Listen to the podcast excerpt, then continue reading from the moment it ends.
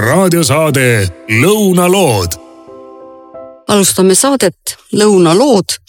täna on meil kolmas saade, saade on kuuldav Ring FM-is, Ruut FM-is, on kuuldav Võrumaal, Põlvamaal, Valgamaal ja Tartumaal saate aeg on pühapäeviti kell neliteist null null. mina olen saatejuht Merry Aart ja täna ma olen kutsunud endale külla Eesti Põllumajandus-Kaubanduskoja juhatuse esimehe Roomet Sõrmuse ja see põhjus, miks ma teda olen külla kutsunud, on see, et meil on selline kriiside ajajärk, meil on Ukraina sõda, me ei tea, kuidas see Eestit puudutab sõjalises mõttes. meil on hinnad väga kõrgeks läinud, meil on energiasõda. Ei tohiks öelda, et energiasõda, see on energiakriis, pigem oleks võib-olla õigem öelda. ja meil on sisendite hinnad on kõrgeks läinud ja kõige selle taustal on toidujulgeolek hästi oluline. ja sellepärast, et oleksime kindlad, et meie toidujulgeolek on kindlustatud, siis sellepärast ma ka tahaksin, Roomet, sinu käest küsida, kuidas siis põllumajandusel hetkel läheb? tere päevast, et ja suur tänu kutsumast. eks see sellist lühikest ja lihtsat vastust anda on päris keeruline, et kuidas läheb, et kindlasti osadel läheb paremini ja teistel kehvemini. eks see sõltub tegevusalast ja sõltub ettevõttest konkreetsemalt üldistavalt vast võib öelda, et nagu sa ütlesid ka siin sissejuhatuses, et tegemist on väga ebaselge ja, ja sellise segase ajaga, et äh, isegi kui täna võib-olla läheb mõnel ettevõttel hästi, noh näiteks sellel aastal tõesti piima kokkuostuhinnad on olnud ju suhteliselt kõrged, teravilja turuolukord on päris hea olnud ja paljugi on toodetud ju sellel aastal tegelikult nii-öelda vanade vanade varude ja reservide arvelt ehk et noh, näiteks ka selle aasta väetised on ju ostetud juba eelmisel aastal, kui hinnad ei olnud veel äh, nii kohutavalt kõrged nagu praegu, et, et praegu võib veel öelda, et paljudel ettevõtetel läheb äh, normaalselt ja, ja nad saavad kindlasti hakkama. aga jah, olulisem vast on isegi mõelda selle tuleviku peale, et kuidas uus hooaeg tuleb ja millised äh, riskid on tegelikult Eesti põllumajanduse ja toidutootmise kohal ja neid riske on, on terve rida. et eks see niimoodi ole, et äh, teinekord, et äh, kui natukene niimoodi naljaga pooleks öelda, et ega ühe õnn on teise õnnetus, et äh, kui sellel aastal on põllumehe jaoks hinnad suhteliselt kõrged, siis teisipidi võttes jälle, eks see lööb tarbijate rahakotile augu sisse, sest ka tarbijad peavad ju rohkem maksma ja ega meil ju seda maksujõulist tarbijat nii väga palju ei ole et äh, sellega seoses ma küsiksin, et äh, milline on meie põllumeeste konkurentsivõime, ütleme Euroopa turul ja, ja ka omavahel. ja miks ma seda küsin, küsin sellepärast, et äh, päris sageli on minu käest küsitud kuskil, eriti linnapiirkonnas, on küsitud, et mis need tootjad virisevad neil on muud ei ole kui ainult toetused, toetused, toetused. et ajavad ainult kasumit oma taskusse ja tahavad tarbijat nöörida. et äh, kas sa selgitaksid natukene selle toetuste süsteemi lahti, miks meie põllumees peaks nagu saama toetusi, kuidas Euroopas on see asi, milline on see konkurentsikeskkond ka ütleme meie tootjate suhtes, et lihtsalt pisut paremini nagu mõista neid taustasid? et jah, eks see on on tõsi, et, et põllumajandust Euroopas toetatakse, meil on olemas ühine põllumajanduspoliitika. ajalooliselt on ka need väga selged põhjused, miks seda tehakse. üks tegelikult ka põhjus on olnud see, et tarbijatele taskukohase hinnaga kohalikku toitu äh, saaks pakkuda praegu, kus toiduhinnad on tõesti väga palju äh, kerkinud, et tõesti, see on vaat-, vaatekoha küsimus, et võib-olla noh, põllumeeste seisukohalt tihti ongi olnud tunne, et toit on olnud liiga, liiga odav. Äh, aga teisalt on mõistetav, et praegu tarbijad, kes seisavad siin silmitsi kahekümne viie või kolmekümne protsendiste hinnatõusudega, et, et sissetulekud ju sellele tegelikult järgi ei ole tulnud ja, ja siin on ka tegelikult ju olukord päris mitmetine, et võib-olla just esimesena, kes ka tootjate poolest kannatavad, ongi ka väiksemad tootjad, sellised nišitoodete tootjad, kes võib-olla pakuvad erilisemat kaupa, aga ka selle tõttu sellist nagu käsitöökaupa ja, ja kallimat toodet, et. et kindlasti nemad on ka poodides ühed esimesed, kes tegelikult sellist kuidas ma ütlen siis inimeste ostujõu langust tunnetavad, et, et kui on ikkagi vaja teha valikuid, et kas võtad kallima toote või odavama ja kui raha ikkagi paneb need asjad paika, et siis, siis võib juhtuda, et, et just nagu väiksemate tootjate toode jääb, jääb letile ja jääb ostmata, lihtsalt ei ole, ei ole võimalik. ja kuidagi toetuste juurde seda tagasi tuua, siis ka tegelikult põllumajanduspoliitika on ju üks vahend ka selleks, et ja mida tehakse ka praeguses põllumajanduspoliitikas päris palju, ongi ka väiksemaid tootjaid toetada, et nad, et nad tegelikult ka nendes keerulisemates oludes vastu peaksid, kui me mõtleme ka uuele põllumajanduspoliitika perioodile, mis siin algab äh, alates jaanuarist, siis äh, sellel perioodil pööratakse tegelikult veelgi rohkem tähelepanu just väiksemate talude ja, ja tootjate äh, toetamisele, nii et noh, toetuste teema ise on muidugi päris suur ja lai, et et üks asi kindlasti, mis, mida need toetused ka teevad on ju see, et me peame aru saama, et meil on Euroopa Liidus ühed maailma kõige karmimad äh, tootmise standardid ja eks äh, need toetused aitavad ka, aitavad ka neid lisakulusid, mis nende standardite täitmisest äh, tekivad, kinni maksta või mingilgi määral kompenseerida. ja no kindlasti ka see teema, et et kui võtaksime sellise päris vaba turumajanduse, siis tuleksid välja need suhtelised konkurentsieelised ja võib-olla toodetakse ainult üheülbalist toodet, kes odavamalt suudab äh, toota, et siis kindlasti see praegune põllumajanduspoliitika aitab ka ütleme selliseid äh, looduslähedasemaid, ekstensiivsemaid tootmisi elus hoida, et mõtle, mõtleme kasvõi oma rannakarjamaade või poollooduslike koosluste hooldamise peale, mis tegelikult tavalistel turutingimustel oleks päris, päris keeruline, sest tarbija ei jõuaks seda, seda liha lamba või, või, või ka lihaveise liha ju tegelikult äh, kinni maksta, nii et jah, toetuste teema ise on, on mitmetahuline. suuremas pildis veel küsisid konkurentsivõime ja tingimuste kohta, et eks see on olnud meil tegelikult see häda ka siin äh, viimase paarikümne aasta jooksul. Ma ütleks, et Euroopa Liiduga liitumine kindlasti on andnud Eesti põllumajandusele arengutõuke ja, ja asjad on nagu paremaks läinud aga kindlasti on see olnud ka üks viimase kahekümne aasta teemasid, et me siiski oleme pidanud järjepidevalt seisma selle eest ja võitlema selle eest, et Eesti põllumehed saaksid võrdsemaid Euroopa Liidu toetusi ja nüüd me oleme siis lõpuks peale tõesti neid pikki-pikki aastaid jõudnud olukorda, kus meie toetuste tase jõuab seal kuskil kaheksakümne protsendi peale Euroopa Liidu keskmisest. aga see keskmisest kaheksakümmend protsenti võib ikkagi jätkuvalt tähendada seda, et on päris palju äh, teisi liikmesriike, kus toetused võivad Eesti omadest olla ikkagi veel hektari võrdluses kuskil poole kõrgemad, nii et äh, eks see pilt on, äh, on toetuste osas ka kirju jah, muidugi. kas ma võiksin siis nagu niimoodi arvata või niimoodi öelda seda, et kui põllumajandusel toetusi ei oleks ja kui kogu Euroopas ei oleks, siis tegelikult on Eesti põllumees üks innovatiivsemaid ja päris kindlasti tuleks väga hästi toime. aga kuna Euroopa Liidus teistel riikidel ja kõikidel riikidel on toetused, siis noh, ei ole lihtsalt võimalik, et ühe riigi tootjad on niivõrd palju kehvemas olukorras, et nad suudaksid toime tulla oma tootmisega ja siis ka veel investeerida ja elada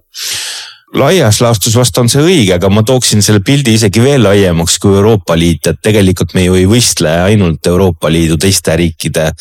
toodete ja tootjatega, et äh, tegelikult kogu maailm on, on mõneti valla, noh ta teatud reeglid muidugi kehtivad ja teatud turukaitse ka kehtib, aga, aga me siin seisame ju silmitsi kogu maailma põllumajandustoodanguga Lõuna-Ameerikast, Põhja-Ameerikast, kust iganes. ja siin tuleb võib-olla just kõige enam välja see, et mis on ka see nii-öelda kohaliku toidu eelistamise nii-öelda pluss või miks seda võiks teha, et toiduohutuse uuringud on järjepidevalt tegelikult seda ka esile toonud, et Eesti toit on üks maailma äh, kõige puhtamaid. Euroopa Liidu toit on ka okei okay ja, ja meil kehtivad äh, kõrged,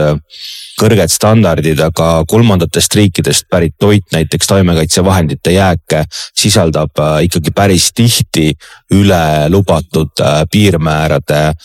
siin paistavad just ka Aasia riigid näiteks väga-väga teravalt silma, Türgi, äh, India, Hiina, Tai, paljud riigid, kus,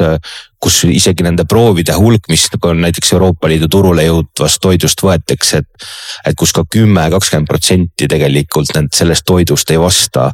ei vasta seatud normidele et äh, seekord nagu ei tahaks, tahaks väga nüanssidesse minna, et äh, võib-olla me jõuame seda kunagi hiljem teha, et äh, need kriteeriumid ja nõuded kõik toidu tootmisele ja, ja toidu töötlemisele on ikka Eestis ääretult, kuidas ma siis ütlen, tugevad või hästi nõudlikud või ja, ja hästi sellised teinekord võib-olla ka natukene üle vindi. ja samas me ei kontrolli võib-olla kõiki asju päris nii, nagu me võiksime kontrollida. noh, kasvõi mul tuleb meelde kasvõi mahe, et kui see mahe on Eestis toodetud, siis on kontroll hästi tugev kogu aeg. aga kui see mahe tuleb läbi Euroopa Liidu riikide Eestisse, siis ma ei tea, mul on nagu selline teadmine, et siis see, see nii tugev ei ole nendel kaupadel, et nii et need on sellised asjad, mida, mida võib-olla peaks edaspidi natuke arutama ja millega saaks ka natukene eh, võib-olla meie tootjat kaitsta, ütleme, meie tootjaturgu kaitsta just omaenda turul. Aga, aga ma tuleks tagasi siia natukene selle juurde veel, et, et kuidas me siis saame nagu meie tarbija jaoks seda toitu natukene odavamaks teha, et kui ma käin välja sellise mõtte, et, et riik saab alandada näiteks käibemaksu või aktsiisi. kuidas sinule tundub, kas sellest võiks tarbija jaoks nagu natuke kasu olla või, või tootja jaoks või kuidas, kuidas sa sellesse vaatad, mis sinu arvamine on? no ma arvan, et toiduainete käibemaksu üle arutada praegu on viimane aeg ja kõige õigem aeg, et, et nagu ma viitasin, siis ju toit on siin aastaga läinud kuskil üle kahekümne viie protsendi keskmisena kallimaks, noh tootegruppide lõikes võivad need kõikumised olla veelgi või mitte kõikumised, aga noh, ütleme otse välja hinnatõus võib olla ikkagi veelgi, veelgi karmim. Et jah, praeguses olukorras ma arvan, tuleb veel eriti hästi esile see, et Eesti on tõesti noh, Euroopa Liidu riikidest üks neljast äh, riigist, kus me ei rakenda siis toiduainetele soodsamat äh, käibemaksu, käibemaksumäära, et äh, et ka siin isegi Soome näiteks meie lähiriikidest, et ka seal kehtib tegelikult toidule Äh, madalam käibemaksumäär kui nii-öelda see tavamäär, et, et see on olnud põllumajanduskojal ka tegelikult aastatepikkune selline keskne soov ka Eesti erakondadele, et, et selle teema üle tõsiselt arutada. Äh, seda on tehtud, on äh, tihti väljendatud arvamust, et see on riigieelarvele väga suur koormus maksutulu languse näol ja teisalt siis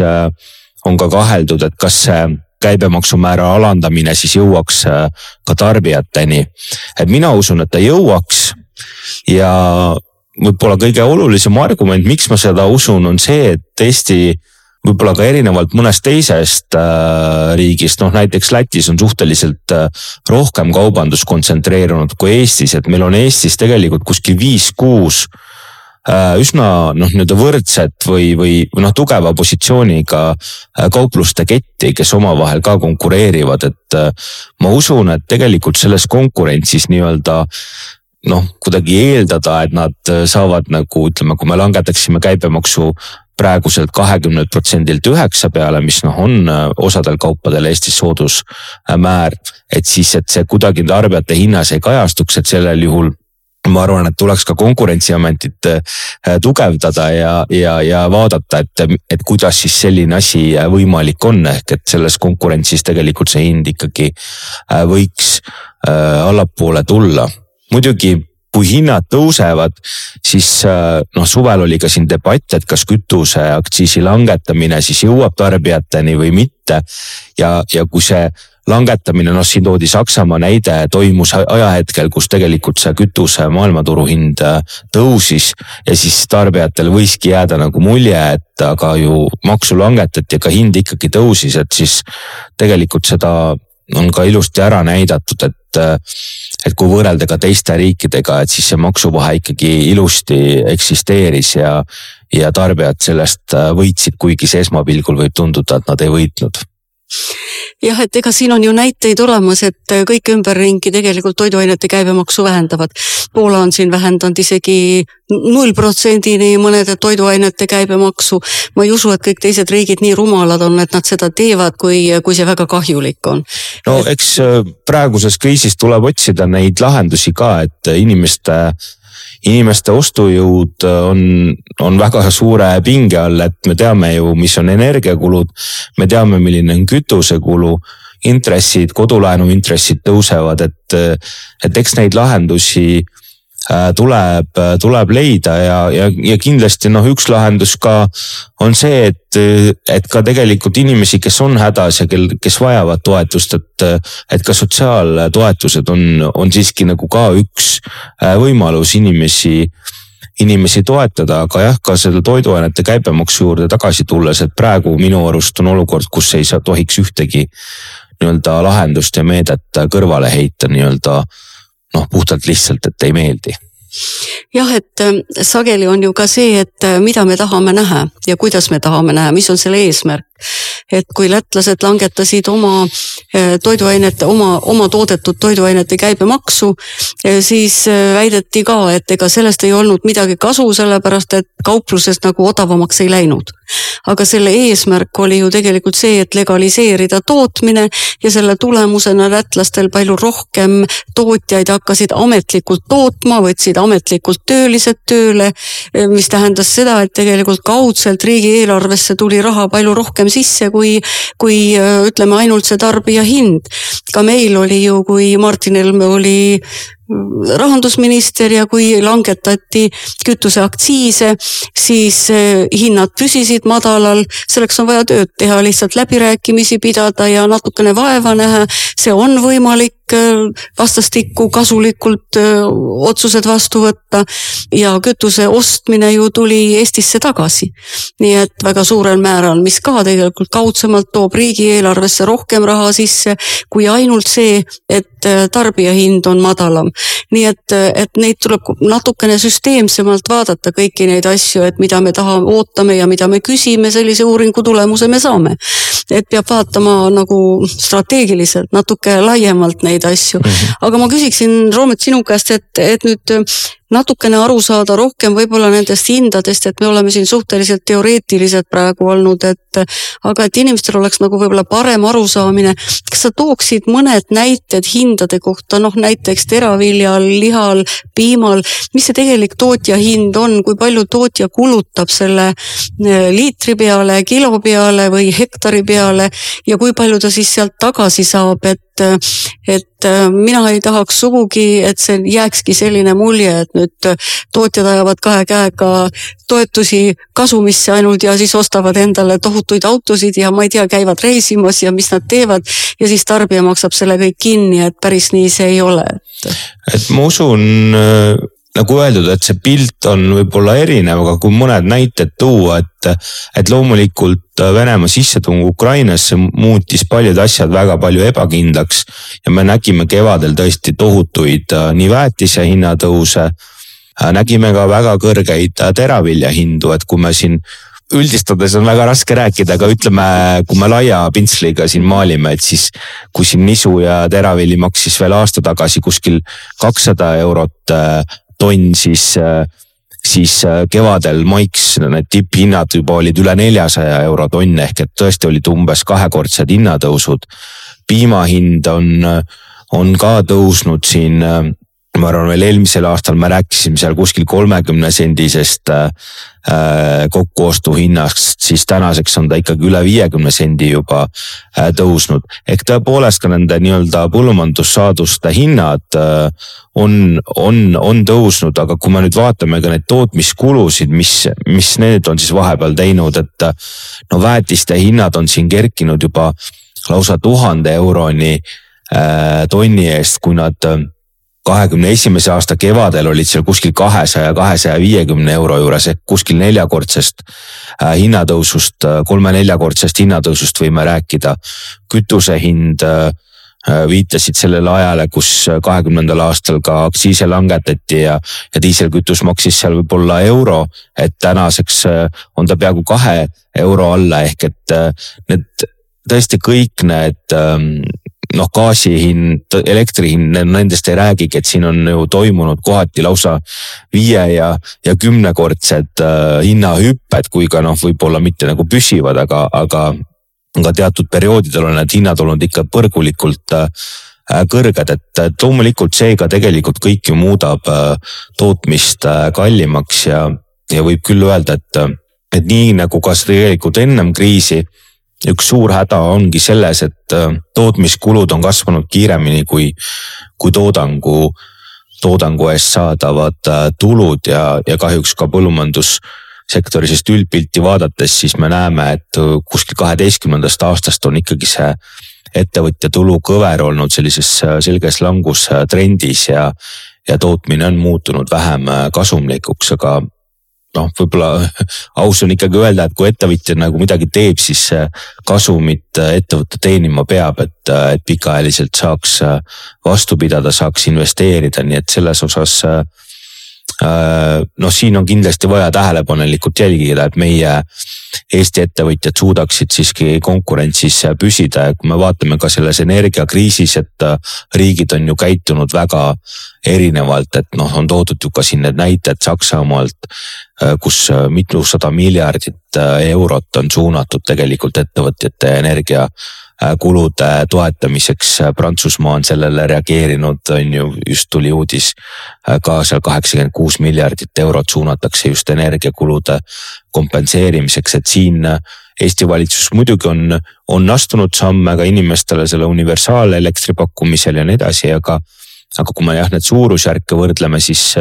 siis me kindlasti jääme siin paljudest konkurentidest maha ja see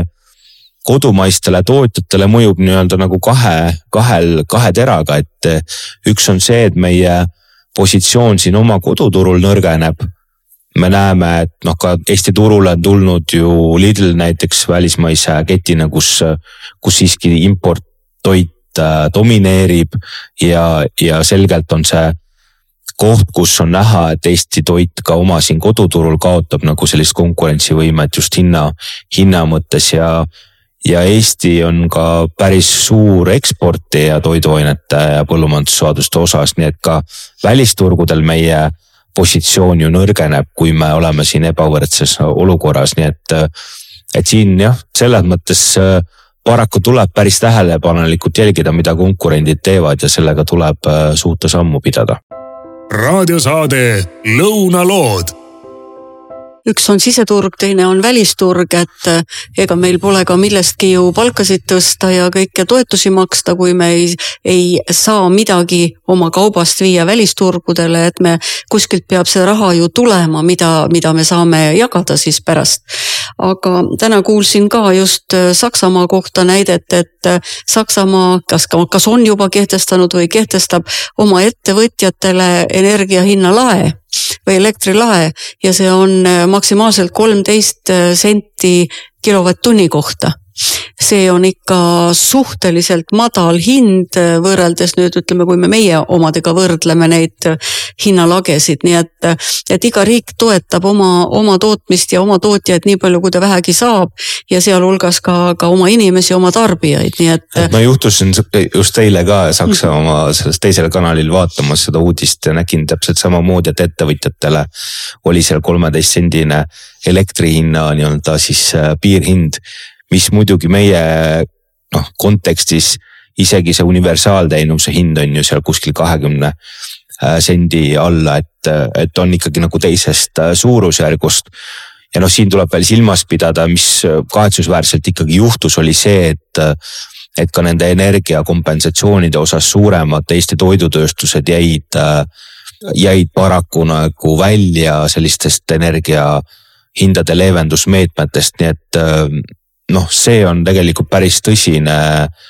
tõsine teema, kuna toidutööstused on päris suured gaasitarbijad. lihtsalt tehnoloogiliselt see on, on niimoodi ja, ja ka elektrihinnad, et, et need kõik ju mõjutavad tegelikult meie, meie tootjaid. ja üks selline, võib-olla selline nii-öelda noh, meie puudus on kogu aeg ka, et kui ma olen isegi käinud nendes Eesti kõige suuremates toiduainetööstustes seal võtame Rakvere lihatööstuse või ka Tallegi, et siis noh, nii-öelda üldises suures Euroopa pildis on nad tegelikult päris väikesed, väikesed tööstused, meil on, me armastame muidugi meie sortiment lettides on hästi lai ja, ja, ja see kohati see kodumaise toidu kõrgem hind tuleb ka ikkagi sellest, et meie need tootmismahud on suhteliselt väikesed ja, ja päris palju tuleb ka käsitööd teha isegi suures tööstuses, sest et need robotid või, või ka sellised noh, nii-öelda automatiseeritud seadmed ja liinid lihtsalt on palju suuremale võimsusele disainitud, kui Eesti tööstustesse vaja äh, võiks minna. Väga hea, et sa tulid toidu, toiduainete töötlemise juurde, et, et tõepoolest nad on hästi energiamahukad, ka gaasi läheb palju, et ja kahjuks on ka toiduainete tööstus nagu toidu tootminegi on selline, et sa ei saa vaadata börsil parimat hinda, vaid sa pead tegema seda te tegevust või, või töötlemist siis, kui, kui sul on vaja, et kui on näiteks lühiajaliselt säilivad toidukaupade grupid, siis sa ei saa öelda, et ma täna ei tee või ma teen keset südaööd siis, kui hind on madalam. et sa pead tegema siis, kui on vaja või kui me võtame farmi, näiteks loomade heaolu, siis lüpsma pead sa ikkagi siis, kui on lüpsiaeg, mitte siis, kui, kui energia hind on madal.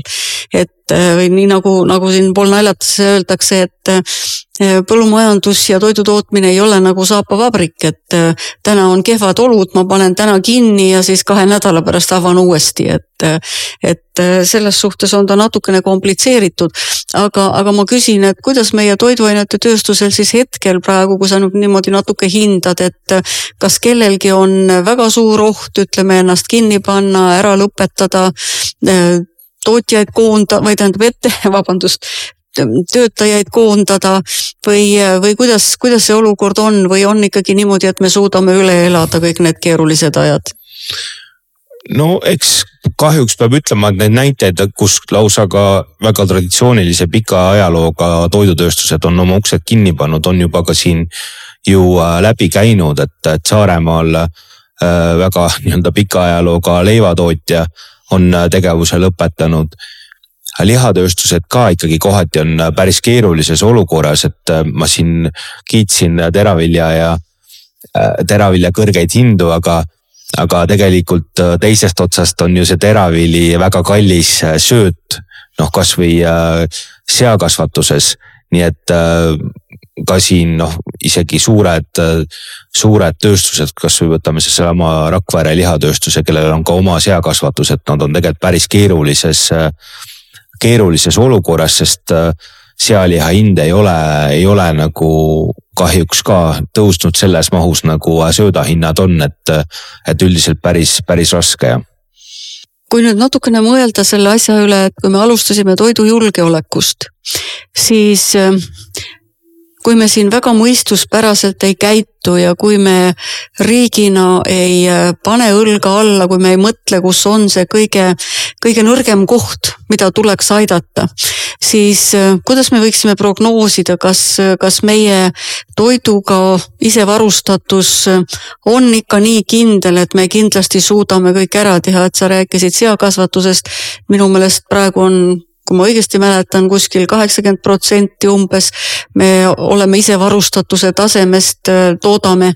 Äh, Rakvere ei ole ju päris, äh, päris Eesti lihatööstus tegelikult ja kui Soomes on paremad olud või, või Eestis lähevad väga kehvaks need olud, siis ega väljamaine ettevõtte omanik ei hooli niivõrd Eesti inimestest, Eesti riigist, kuivõrd oma ettevõtlusest ja ettevõtluse kasumist, et eh, võib-olla ma nüüd natukene järsult ütlesin, aga, aga siin on ju kogemusi nii austerlastega kui kellegi teisega ja, ja miks ta peakski, et, eh, et eh, igaüks ikkagi omas riigis eelkõige, et, et kuidas sina näed seda, seda olukorda? et ega me siin jah, päris niimoodi nii-öelda rinnale taguda ei saa, et meil on nüüd kõikides äh, toidutootmise valdkondades nagu ülihästi. et äh, on loomulikult äh, traditsioonilised ekspordiharud nagu, nagu piimakarjakasvatus, piimatootmine, kus see meie isevarustatus on seal kuskil saja kuuekümne protsendi peal. teraviljas ka üldiselt, kui ei ole just väga põuane aasta, siis me suudame kuskil kaks-kolm korda ikkagi rohkem toota teravilja, kui meil äh, sisetarbimiseks äh, vaja on. teisalt see peegeldab ka sellist loomakasvatuse vähenemist ja kodumaise lihatootmise vähenemist, et äh, miks meil ka seda nii-öelda teravilja on võimalik eksportida, et liha poole pealt kahjuks me ei ole üldse nii heas olukorras, et. et liha tootmises üldiselt on see isevarustatus kuskil kaheksakümmend protsenti. viitasid juba seakasvatusele, kus on siis see kaheksakümmend protsenti ka umbes, aga, aga kindlasti langeb, et praegu ka just Tõusikade aretusühistult tulid andmed, et, et siin päris lühikese ajaga on nende põhikari noh, kes on siis needsamad emised, kes toodavad neid äh, põrsaid ja nii-öelda tulevast, tulevast jõulupraadi, et. et on äh, ikkagi päris hoogsalt äh, vähenema hakanud, sest seakasvatajad on keerulises olukorras. linnuliha osas seal ainult kuskil üle kuuekümne protsendi on meil kodumaise linnuliha tähtsus munade puhul kuskil pool. ja, ja noh, kui me lähme siit edasi, siis köögiviljas mis äh, võib-olla vahepeal tundus, et isegi oli selline päris noh, hästi ei olnud ta kunagi, aga ütleme kuus, seitsekümmend protsenti, siis tänaseks on Sagro näiteks üks suur köögiviljakasvataja oma uksed äh, äh, kinni pannud arendatakse seal hoopis kinnisvara, et äh, kasvuhoonet, kasvuhoonete asemel ja, ja, ja, ja selle tootmise asemel. nii et ka köögivilja isevarustatus on meil langenud seal kuskil neljakümne protsendi peale, et siin ei ole küll rahul oleks nagu, nagu mingit äh,, mingit põhjust, nii et äh, ütleme nii, et olukord on erinev väga hea, et me suudame veel mõnedes sektorites siiski eksportida, sest nagu öeldud, siis äh, riigi jaoks on see väga oluline, et me eksporditulu teenime ja see on ka ju tegelikult äh, see raha, mille arvelt me siis neid puudujääke teistes sektorites äh, äh, no nii-öelda kompenseerime. jah, väga hea, et sa selle ekspordi juurde tulid, et ma oleksin ka sinu käest küsinud, et, et minu käest on küsitud päris palju, päris mitmeid kordi, et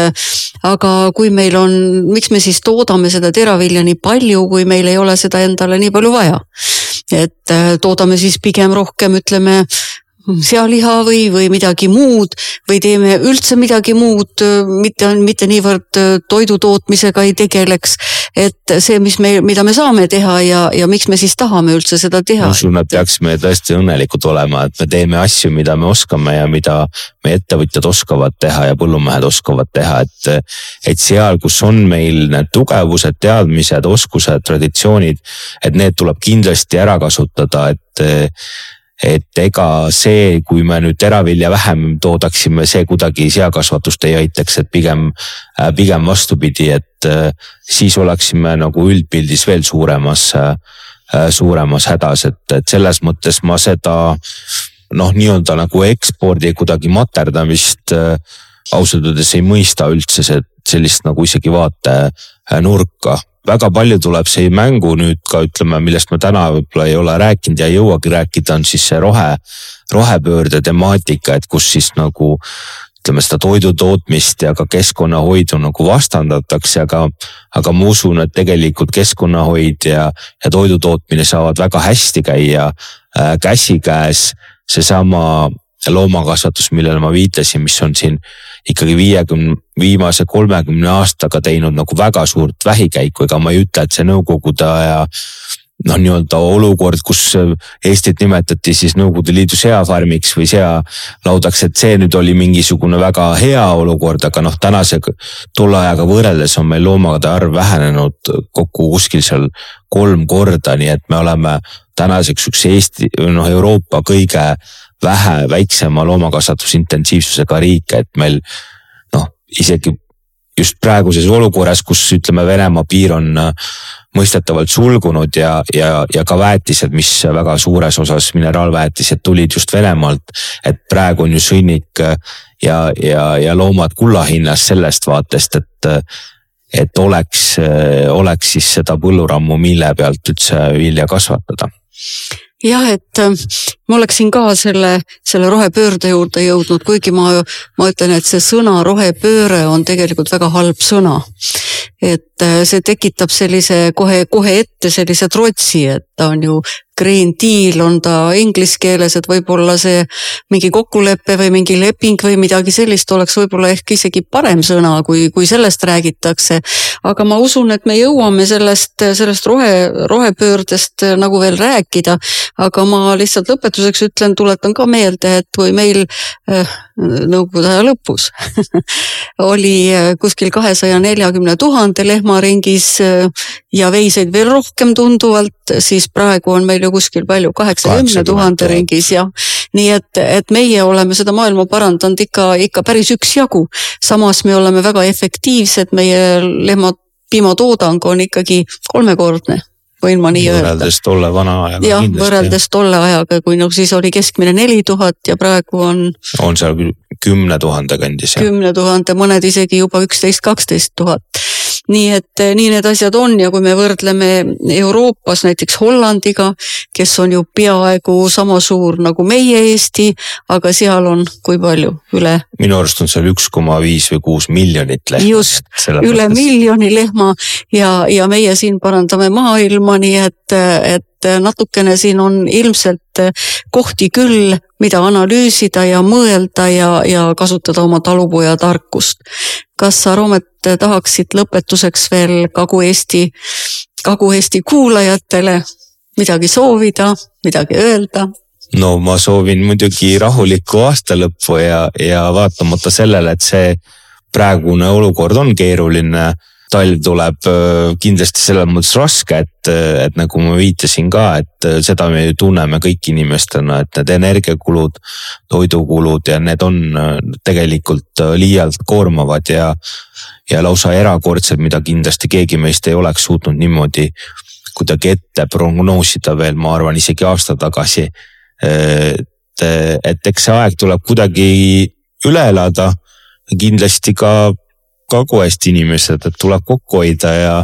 ja, ja tegelikult ka needsamad talupidajad, naabrid, põllumehed, et,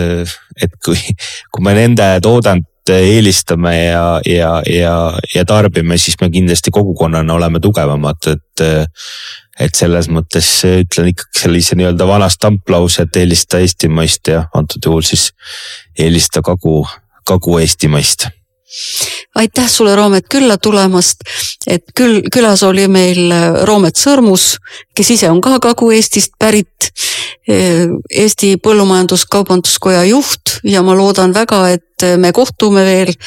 küllap me tuleme järgnevate saadete juures ka veel selle rohepöördeni ja, ja räägime sellest, mis see Eesti põllumehele kaasa toob, mis see Eesti inimesele üldse kaasa toob. siin on teemasid väga palju tegelikult, mida lahti rääkida ja, ja kust tuleks ka mõelda seda, et mitte ainult seda, et me räägime, otsime süüdlasi ja räägime sellest, mis paha on, vaid me peame nagu keskenduma rohkem sellele, et mida tuleks teha et asju, olukorda parandada ja, ja seda teed tuleb minna.